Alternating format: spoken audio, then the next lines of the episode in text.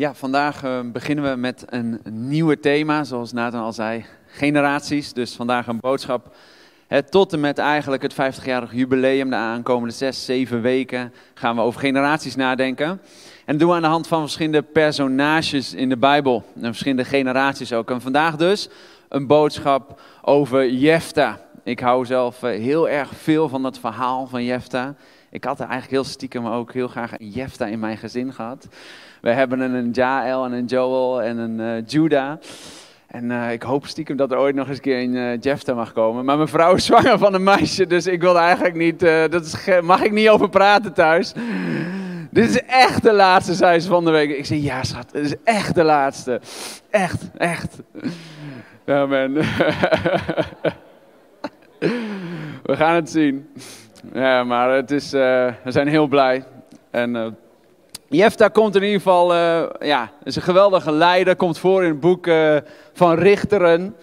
En daar wordt, nou ja, onder andere dus het verhaal van Jefta uitgelicht en zien we iets van zijn leven. Wat ik zo mooi vind aan het boek Richteren ook en ook aan Jefta, is dat je niet alleen de heldenverhalen ziet en de moedige strijders, maar ook die andere kant van die leider. Dus dan zie je dus ook die karakter en het falen en tekortschieten. De kwetsbaarheid van die leider. En dat is iets geweldigs wat we ook vandaag weer terug mogen zien. Um, een van mijn dochters, dus uh, Jael, komt ook voor in dit boek. En we zien ook dat... Um, dat is een verhaal op zich hoor. Maar de andere, een aantal richters worden dus ook genoemd in Hebreeën 11. In de geloofshelden. Daar wordt ook over Simson, Deborah, Barak, Gideon. Maar dus ook Jefta. En daar gaan we het dus vandaag over hebben. En je kan een geweldige leider zijn. Maar um, als je karakter niet meegaat, dan weten we, dan uh, ja, krijg je dat uh, te zien. Vroeg of laat komt dat eruit. Die karakter, en in je roeping, die mogen samengaan. Ik, uh, gisteren werd ik daar maar even weer aan herinnerd. Ik was gisteren in een voetbalwedstrijd en ik uh, had er heel erg lang naar uitgekeken. Ik moest tegen een uh, team wat mij heel erg aan het hart lag. Dat was een oud team van mij, waar ik tegen moest voetballen. En mijn broer, die speelt daar ook in. En op een gegeven moment, de, de spanning was enorm heftig. Je voelde gewoon, er gaat iets gebeuren. En ja, we stonden 2-0 achter en de 2-1. En het was heel, ja, best wel, uh, ging er best wel fel op. Dus de een naar de andere eruit en een uh, gele kaart, dit, die eruit. En ja, toen op een gegeven moment was het echt heftig, totdat het gewoon eigenlijk uit de hand liep. En een van onze leiders zich niet in kon houden. En dus, uh, nou ja, er ontstond een soort van kleine, nou ja, vechtpartij dat gestaakt moest worden. Dus uh, op een gegeven moment was ik een van mijn leiders aan het wegduwen om te stoppen. En het werd dus ook gestaakt. En uh, we gingen niet meer verder. Het zal uh, misschien nog nou ja, een andere keer herhaald worden. Maar dan merkte ik gewoon, ik, ik ging naar huis en dacht, ja, dat is nou precies. Als je als leider niet in staat bent om een voorbeeld te geven en je karakter mee wil, ja, dan ga je dingen geschorst worden, gaan dingen staken. Dat gaat gewoon niet. Wij lezen samen Richteren 11, vers 1 tot en met 3. Nu was er in een tijd een zekere Jefta, een krijgshaftig man, afkomstig uit Gilead. Hij was door zijn vader Gilead verwekt bij een hoer. Maar Gilead had ook zonen bij zijn eigen vrouw.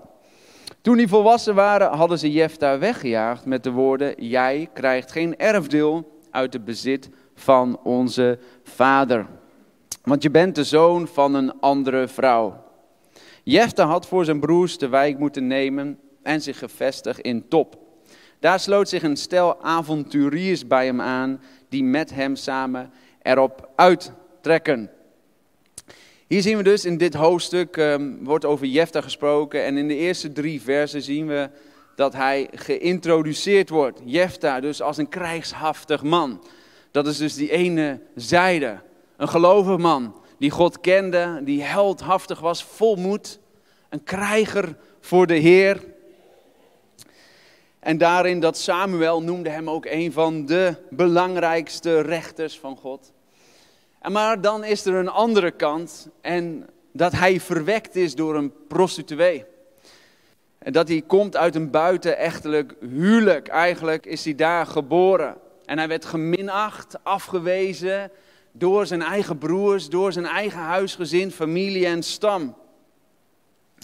En daar zien we dus die kenmerken van een kind van een prostituee, dat eigenlijk dat was ook deel van zijn leven. Ontrouw, ongehoorzaamheid, overspel in de breedste zin van het woord. Dat waren ook kenmerken van Jefta. Dus aan de ene kant had je hè, dat hij een kind en die zoonschap van God, zoals wij het noemen, die geestelijke kenmerken. Aan de andere kant kan je het wel vergelijken met het wees. Dat hij zich soms voelde als een wees, afgewezen, minderwaardig, geminacht, verjaagd, weggejaagd.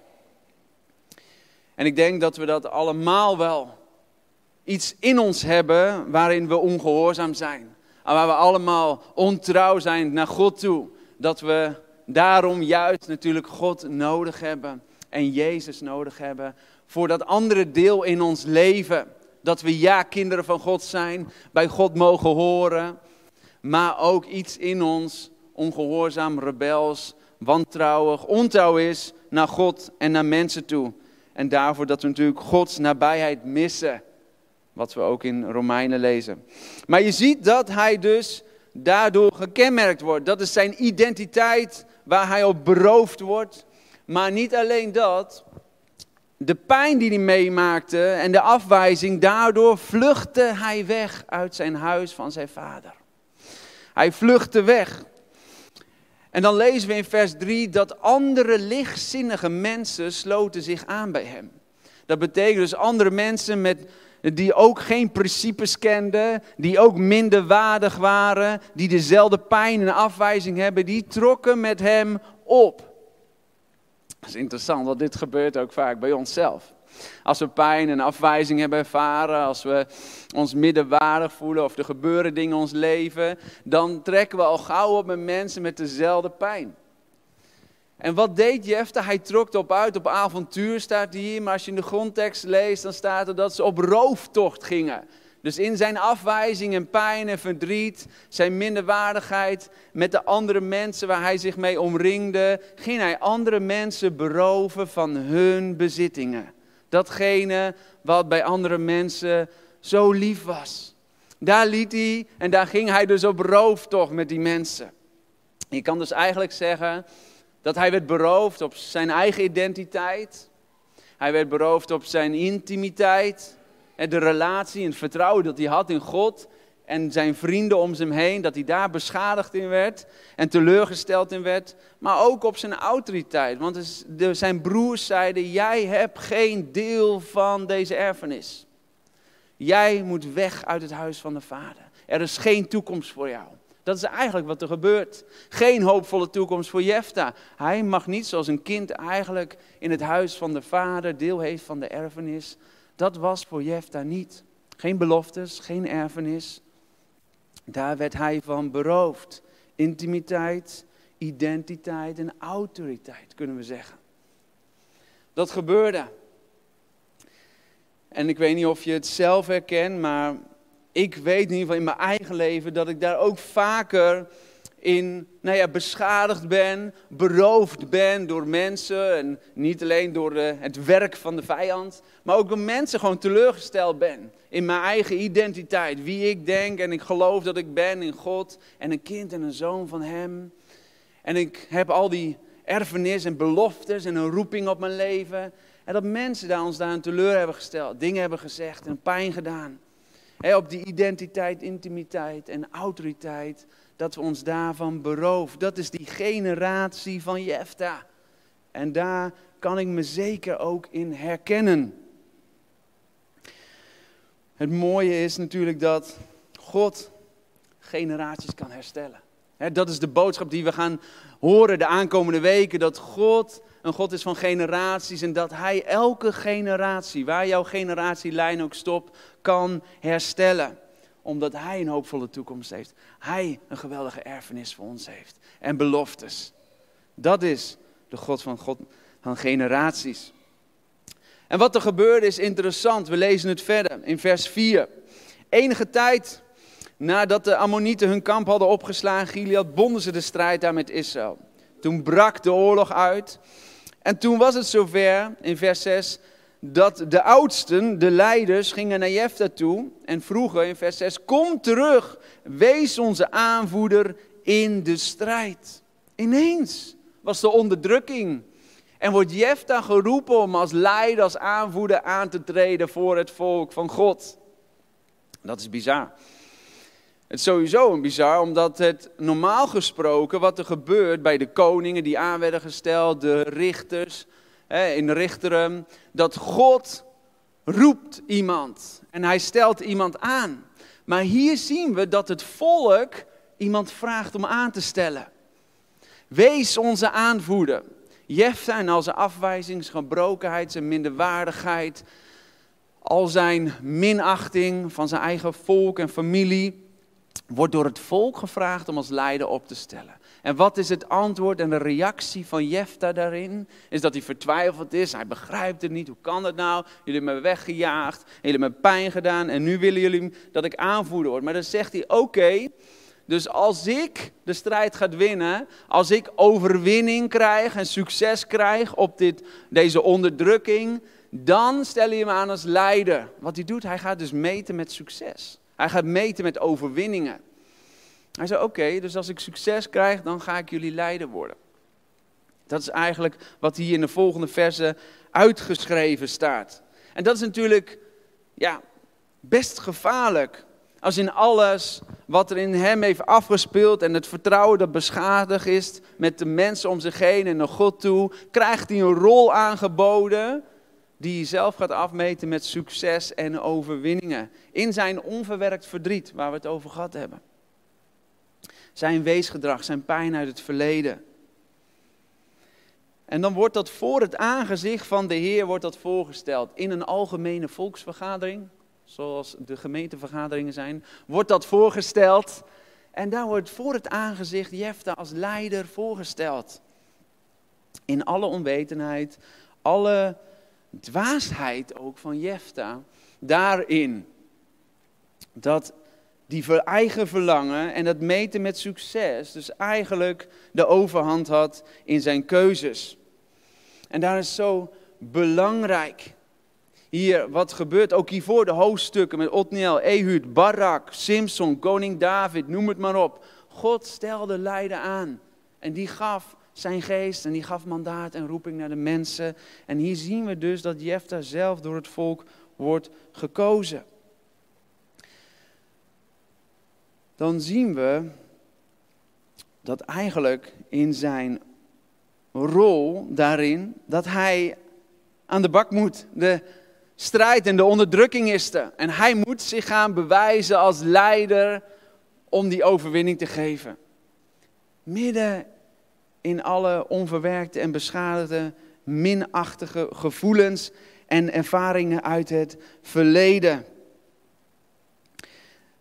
Daar zien we dat in vers, we gaan even verder, want er komen allerlei uh, ja, diplomatische debatten en discussies die Jefta gaat voeren met de vijand, die tot niet zoveel leiden. En dan zien we eigenlijk een stapje verder, in vers 29 met elkaar. Toen werd Jefta ineens gegrepen door de geest van de Heer. Wauw. Hij trok de heel Gilead en Manasseh en ging daarna weer verder. En toen deed hij een belofte. Jefta werd gegrepen door de geest. En daar kan ik dus echt niet bij. Ik denk, hoe kan dat nou?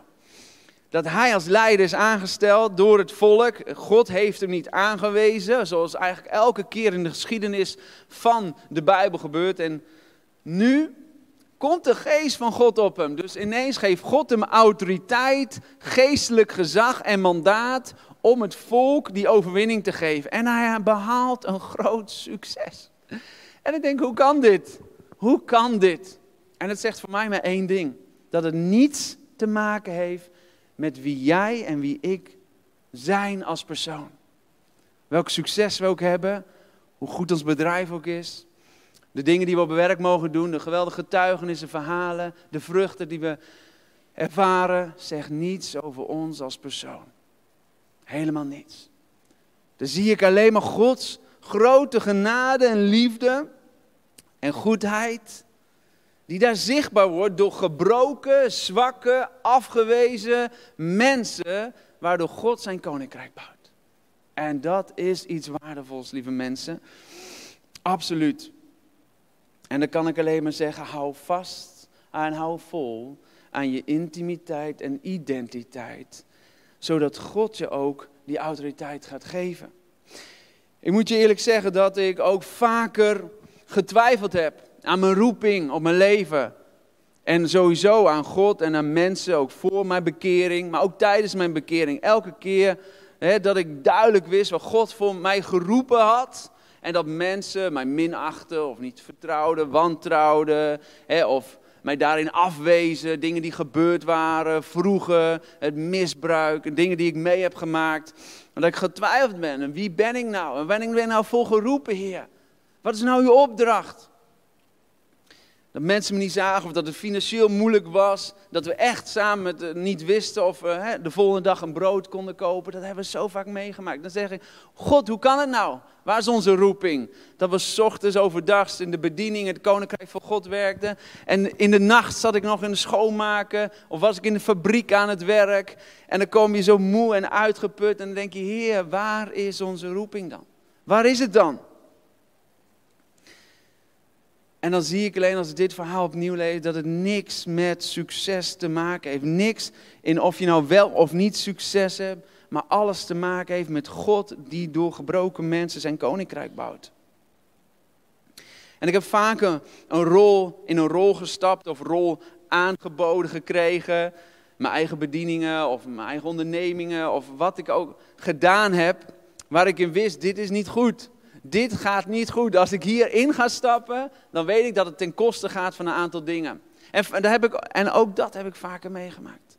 Dat ik erin ben gestapt en achteraf gezien, oh, dit had ik niet moeten doen. Ten koste van dingen waar ik dan onder mocht lijden. En jullie mogen best weten dat ik ook afgelopen jaren, ik werk hier nu een jaar of drie, hè, fulltime. Prachtig, maar ik heb ook vaker de afgelopen jaar getwijfeld, is dit wel echt de plek? Waar gaat dit heen? God, we hebben net een prachtige inzegendienst gehad. Maar ik, ook daarin heb ik getwijfeld aan die roeping. Is dit nou werkelijk God waar u ons voor geroepen heeft? Deze plek. Moet het nou hier? En alles wat we in situaties die we verkeerden, dingen die gebeurden, denk van God, is dit werkelijk? Is dit nou echt die plek? Maar elke keer weer, als we teruggingen naar die intimiteit, onze relatie met God. En de juiste mensen om ons heen. En die identiteit. Wisten we gewoon, als we dicht blijven bij God, dit is waar we voor geroepen zijn. Elke keer die bevestiging weer bij die identiteit en intimiteit met God. Deze gemeente is onze plek. Ja, en daar stappen we in. Het betekent niet dat we daar nooit aan getwijfeld hebben. Of dat er zonder lijden is geweest. Maar God alleen geeft mandaat. En het is prachtig als mensen dat erkennen. Maar wij hoeven geen goedkeuring van mensen. Op welke plek jij ook werkt, laat je niet een rol aanbieden door mensen die God niet jou bedoeld heeft. Alleen God kan aanstelling, gezag en autoriteit en mandaat op jouw leven leggen. En het is mooi als mensen dat bevestigen, maar niet andersom. Laat je niet door goedkeuring bepaalde keuzes of beloftes maken waar jij je bevindt in familie en relaties, op je werk, door de goedkeuring van mensen. En dan zien we dat Jefta een ondoordachte gelofte maakt. Hij zegt dan in vers 30, wanneer de geest van God over hem kwam, hij beloofde de Heer. Als u de Ammonieten aan mij uitlevert, dan zal het eerste dat mij thuis tegenkomt voor u zijn. Dan zal ik als brandoffer aan u opdragen. Jefta, die wilde dus de gunst van God en de hulp en de zegen van God eigenlijk ruilen voor iets wat hij dan God aan kon bieden. En wat, dat zien we vaker in, in de Bijbel voorkomen. Ook bij Hanna bijvoorbeeld, die geen kinderen kon krijgen. Heer, als u mij daadwerkelijk zwanger, dan stel ik mijn kind in dienst voor u. Maar ik zie het als een ondoordachte gelofte die niet nodig was. Ik geloof werkelijk, als wij in een diepe, intieme relatie met God leven en weten wie we zijn in Christus, onze identiteit, dat we geen ondoordachtzame keuzes of geloftes moeten maken die we eigenlijk niet waar kunnen maken of waaronder we moeten lijden. Ik denk hetzelfde in principe bij het trouwen. Als we gaan trouwen zeggen we ja tegen beloftes. En zeggen, zijn dingen, aantal dingen die daaraan vastzitten, die eigenlijk een logisch gevolg zijn. Voor, hè, in de basisbehoeften voorzien, gezamenlijk zorgen voor de ander, voor je partner, voor de kinderen. Dat zijn allemaal wettelijke verplichtingen die aan trouwen zitten. Maar dat denk je eigenlijk misschien helemaal niet meer na, omdat liefde de boventoon heeft. Liefde heeft die boventoon. Dan, als we gaan trouwen, dan zeggen we ja, ik beloof jou te dienen, jouw lief te hebben, voor jou te zorgen, het beste voor jou te hebben. In alle tijden, in voor- en tegenspoed. Vertrouwen zit het woordje trouwen in. En als ik denk, Jefta, hoeveel vertrouwen had je in de Heer dat je een gelofte moest maken, dat het eerste wat jou thuis komt moest offeren. En natuurlijk zien we, we zien dat in eh, Dat dat een principe is, dat het eerste wat ons toebehoort aan God gegeven wordt. Daar komt natuurlijk ook dat tiende principe vandaan, dat we onze tiende mogen geven. Maar dat ook dat is een logisch gevolg van liefde eigenlijk, zien we in het Nieuwe Testament. Hoe we van God houden, alles wat ons eigenlijk eerst toe, nou, komt aan God toe. Daar denk je eigenlijk helemaal niet over na in een huwelijk, omdat het vanzelfsprekend is.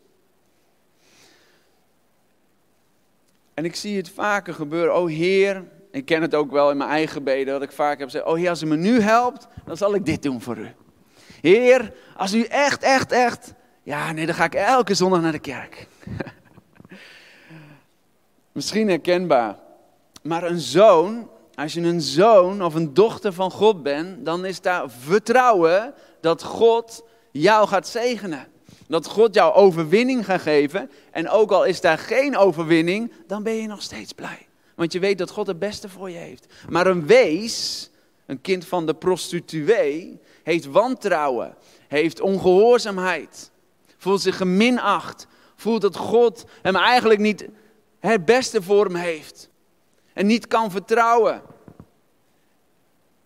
En dan maken we keuzes waaronder we moeten gaan lijden. En dat zien we dus ook gebeuren bij Jefta. Hij mocht zijn enig kind, Jefta had één dochter, we lezen dat aan het einde van dit hoofdstuk, in 34. Jefter kwam terug, man, een geweldige overwinning. Vers 34.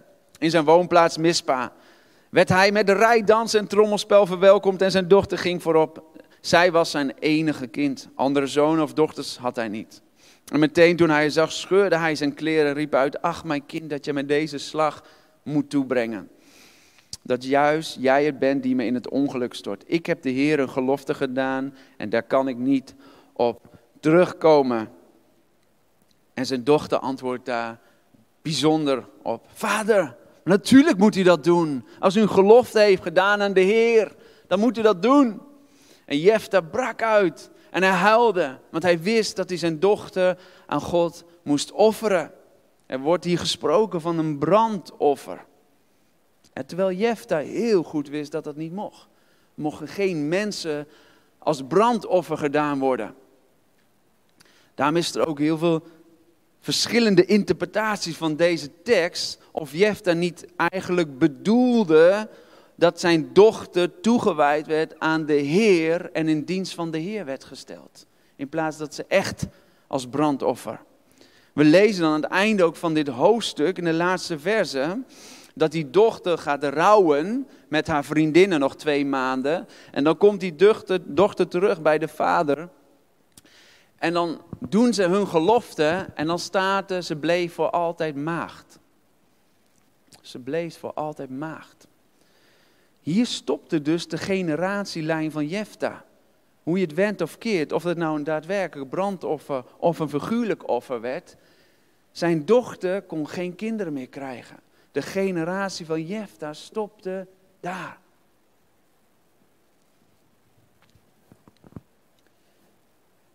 En dan zien we dat alle Israëlitische jonge meisjes in het laatste vers van dit hoofdstuk vier dagen lang gingen rouwklagen, bezinnen, betreuren om Jefta's dochter. Elk jaar weer, elke keer opnieuw gingen ze dus vier dagen lang dit gedenken. En als je hier dieper op dit vers induikt, dan zie je dat maar één keer in de Bijbel datzelfde woord rouwklagen voorkomt. En dat het helemaal niet zo'n rouwklagen is, dan dat hier staat, maar dat het een bezinnen en betreuren, maar in het Engels is het een rehearse, lament. En dat komt voor in Richteren bij Deborah. Als zij een lofzang voor de Heer doet en tegen de Heer zegt: Het hele volk zal zijn rechtvaardige daden bezinnen. Dat is precies hetzelfde woord als hier staat met rouwklagen. Die zullen de overwinningen en de rechtvaardige daden van de God van Israël bezinnen. Een overwinningslied zal daar zijn. Het is wel eens waar dat Jefta verdriet heeft en in rouw is om zijn dochter, omdat die aan de Heer werd toegewijd.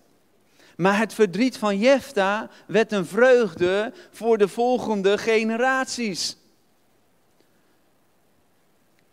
Alle Israëlitische meisjes gingen elke keer dat bezinnen, bedenken aan die rechtvaardige daden van de Heer. Wat God door Jefta gedaan heeft. En daarom is hij een held, een geloofsheld in dit verhaal.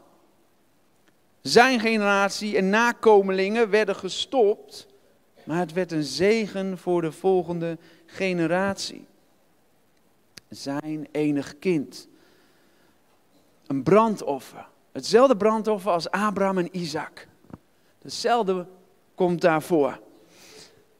En ook daar kwam een verplaatsvangend, eh, ja, in plaats daarvan kwam een ram. Weet u nog, bij Abraham en Isaac? Een ram, een beeld van Christus zelf. Het enig kind. Het enig kind. Zoals God zijn enig kind gaf. Te offeren voor jou en voor mij. In plaats van al onze ongehoorzaamheid, al onze wat we ook mee hebben gemaakt. Afwijzing, minderwaardigheid, ondoordachte uitspraken, verkeerde keuzes die we gemaakt hebben in ons leven, gaf God zijn enig kind om te offeren voor vergeving en verzoening.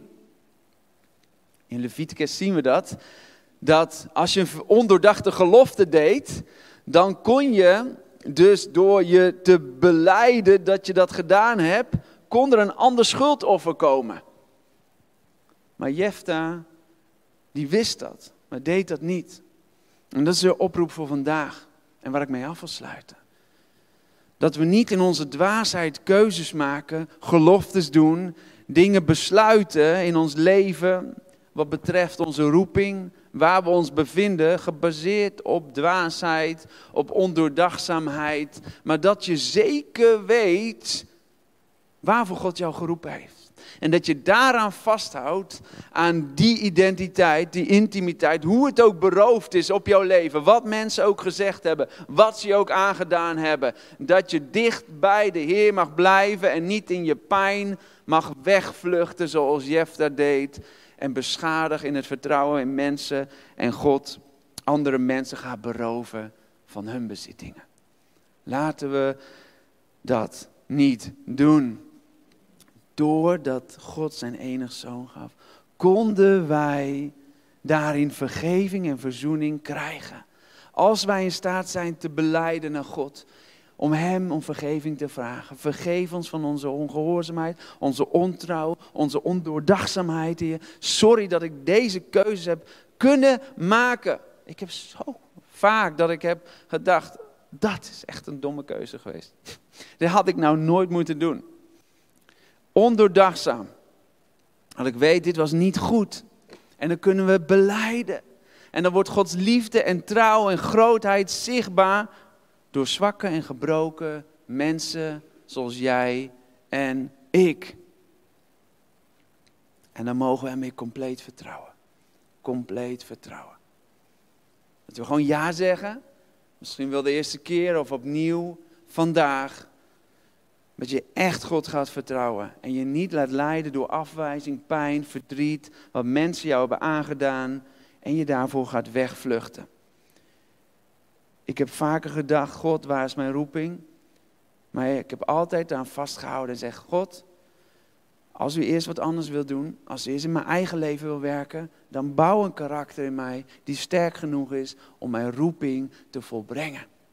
Heer, ik ga naar de Bijbelschool. Dat ga ik doen. Heer, ik studeer zes jaar theologie. Prima. Heer, ik ga naar een psycholoog. Want ik wil mijn pijn verwerken die emotioneel in mij zit van mijn misbruik. Heer, ik ga naar school voor leiders, een school van evangelisatie. Heer, ik ga elk seizoen een mentor die een spiegel voor me houden. En zo heb ik seizoen in en uit elke keer mezelf gewerkt en getraind. En net zo lang totdat God mij op de juiste plek brengt waar ik mag zijn voor Hem. Ja, amen. En laat dat voor ons allemaal zijn, lieve mensen. dat je dat weet, dat Gods genade alleen door ons heen zichtbaar. Als deze kerk zich volgend jaar verdubbelt, als hier elke week wonderen gaan gebeuren, dan zeggen we halleluja, amen, maar heeft dat niks met mij te maken? Heeft er niks met de leiders hier te maken? Dan heeft het alles met Gods grote genade en zijn trouw door de generaties heen te maken. Amen. Laten we daarmee afsluiten. Laten we samen gaan bidden. We gaan afsluiten met een lied. Want daar willen we op gaan vertrouwen. Ja, opnieuw zeggen tegen de Heer. Laten we staan, laten we onze ogen sluiten. En opnieuw ja zeggen tegen die zoonschap. Tegen onze relatie met God. Tegen wat Hij voor ons gedaan heeft. Wat we net gevierd hebben. Herdacht hebben met het avondmaal. Dat we zijn kind zijn. Dat we bij Hem horen. En dat we deel hebben aan die erfenis en belofte die Hij voor ons heeft. Bid met me mee. Als je dat wilt.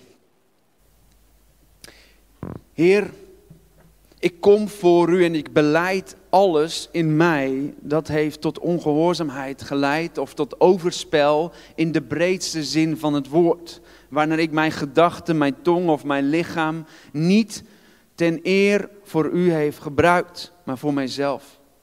Heer, ik geef u al mijn pijn, mijn verdriet, mijn afwijzing van mijn identiteit en mijn intimiteit, mijn relatie met u en alles wat beroofd is en mijn roeping en beloftes die op u, op mijn leven gelegd heeft.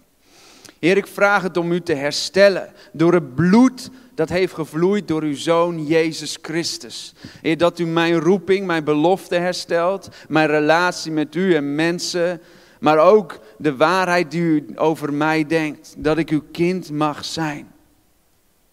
Heer, geeft u deze erfenis en belofte terug, alles wat geroofd is.